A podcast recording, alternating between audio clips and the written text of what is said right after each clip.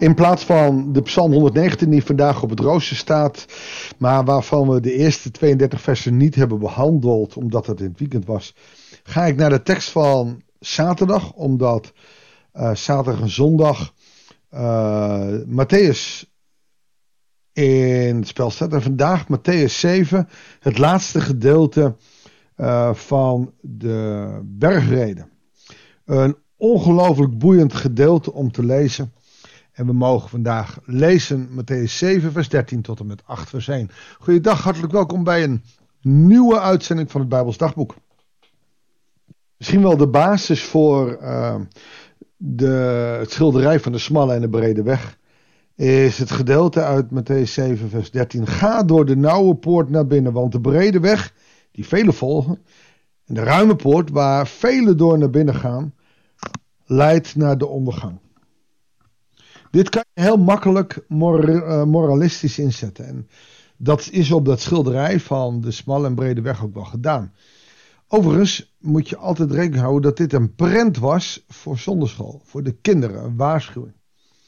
Veel van de verhalen die je voor kinderen doet, kijk maar naar heel veel kinderbijbels, zit een moralistisch einde aan. Kijk uit wat je doet, want ook in jouw leven.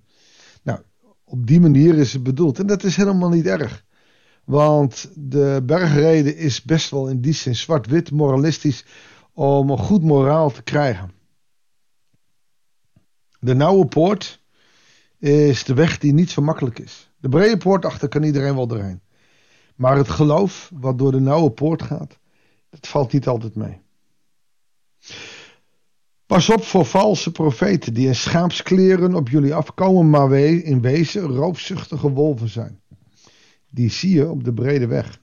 Het lijkt net of ze jou willen overtuigen van hun gelijk, maar vaak is het inderdaad van hun gelijk. Aan hun vruchten zul je herkennen. Men plukt toch geen druiven van de doornenstruik of vijgen van de distels. Nou, mij wel eens wel eens gevraagd, hoe kan je nou dwaalleraren, uh, hoe kun je die nou herkennen? Nou, feitelijk geeft Jezus hier het antwoord. Kijk naar wat ze zeggen en kijk naar wat ze doen. Ik heb in het verleden, maar ook tegenwoordig, kom ik nog als mensen spreken die zijn vol van God. Echt vurige sprekers en alles moet goed en groot. Maar als je ze op een werk ziet, dan is het niet altijd bezig. Ik heb drugsverslaafden die nu helemaal in de heer zijn, maar ondertussen toch nog een beetje in die drugswereld zitten. Dat kan niet. Aan de vruchten zul je hen herkennen. Dus je kan nooit zomaar zeggen: het is een dwaalleer. Maar wel als je denkt dat iemand een dwaalleraar is, let dan maar eens op wat de vruchten van zijn geloof zijn. Is wat hij zegt ook iets wat hij uitstraalt? Een goede boom kan geen slechte vruchten voortbrengen. Evenmin een slechte boom goede vruchten.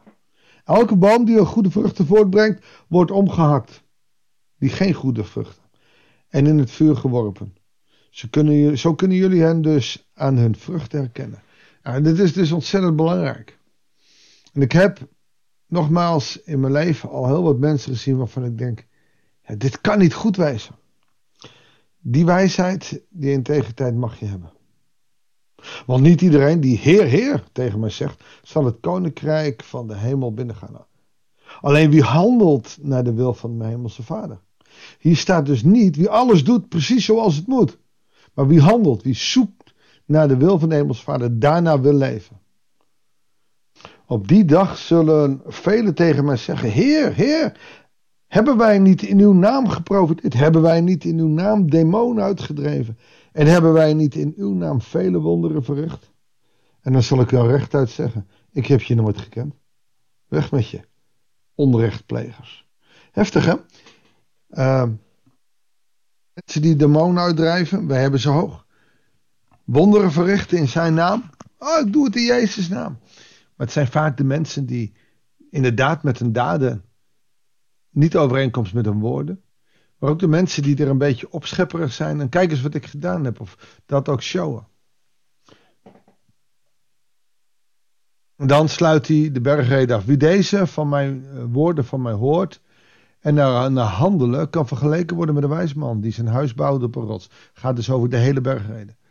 Als de regen neerstroomde, de bekken, beken buiten hun oevers traden en er stormen opstaken en het huis van alle kanten belaagd werd, stortte het niet in, want het was gefundeerd op een rots.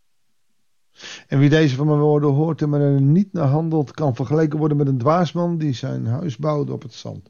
Toen de regen neerstroomde en de beken buiten hun oevers traden en de stromen opstaken en van alle kanten op het huis werd ingebeukt, stortte het in en het bleef alleen een ruïne over.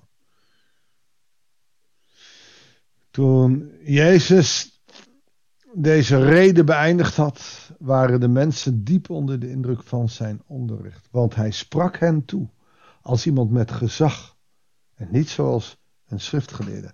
En dat is ook precies het laatste wat ermee bedoeld wordt. Je hebt van die mensen die spreken als fariseeërs. Nou, ze kunnen mooi praten.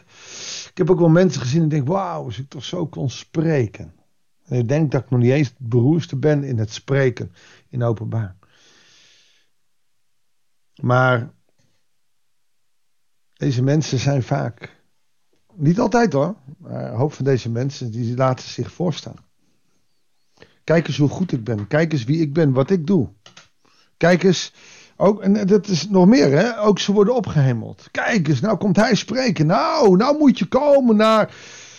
Want hij zal spreken. Ja, whatever. Waarom, waarom moet je dan spreken als je. Nou, de populisme is, is, is een gevaar. En natuurlijk, als je uitgenodigd wordt, is het mooi. Uh, maar laat je nooit voorstaan op, op wie jij bent en hoe geweldig jij bent. En het wordt gedaan in christelijk Nederland. Bewust, maar ook onbewust. Mensen worden op een voetstuk gezet. Jezus heeft een hekel aan een voetstuk. Jezus heeft er een hekel aan als je je voor laat staan op hoe goed jij bent. Want het talent heb jij niet van jezelf. En natuurlijk mag je af en toe zeggen: Ik denk dat ik het talent heb gekregen, zoals ik dat ook poog te doen. Ik heb het talent gekregen van spreken. Maak nog wel eens mijn fouten en ik doe het niet allemaal perfect, maar ik heb het talent gekregen van spreken. Dat heeft God mij gegeven, God heeft het mij geschonken. En, uh, en dat mag ik gebruiken. En dan wil ik best ergens spreken en dan kan ik mooie dingen doen, mooie dingen zien, mooie dingen gebeuren. Maar als ik nu ga promoten, ik ben een goede spreker en wie me. Ik heb, er zijn websites van. Ik heb ook wel eens op die website gestaan toen ik een eigen bedrijfje had, bedrijfje had en uh, me wilde profileren. Nou, ik, ik deed het met zoveel tegenzin. Ik heb uiteindelijk ook mezelf eraf gehaald. Zo wil ik niet.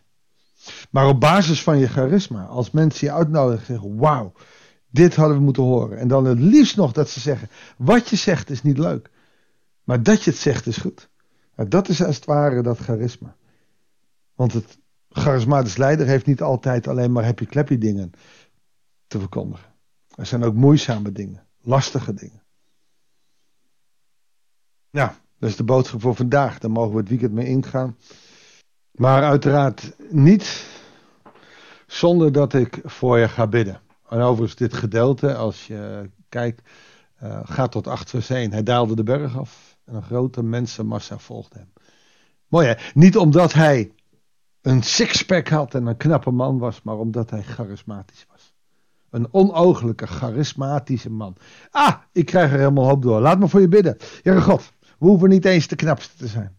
Als we maar spreken vanuit de kracht die we van u krijgen, vanuit de geest.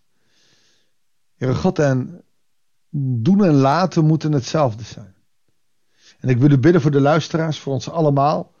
Als we het weekend ingaan, Heer, laat ons ons woord in daden te zien zijn en laat onze daden met woorden ondersteund worden. Zegen ons daarin door de kracht van uw Heilige Geest, want uw geest maakt geen eenheidsworsten van ons, maar laat iedere mens uniek stralen in wie die mag zijn. Zegen ons en geef ons ruimte in ons hart. Geef ons kracht om uw getuige te zijn in deze wereld. We hoeven nergens op te wachten, we mogen delen. Van mij part met deze app, maar ook zelf wat we leren. Laten we delen met anderen, zodat steeds meer mensen horen van uw liefde, van uw genade. Zo hard nodig in deze wereld. Zegen ons zo in Jezus' naam. Amen. Dankjewel voor het luisteren.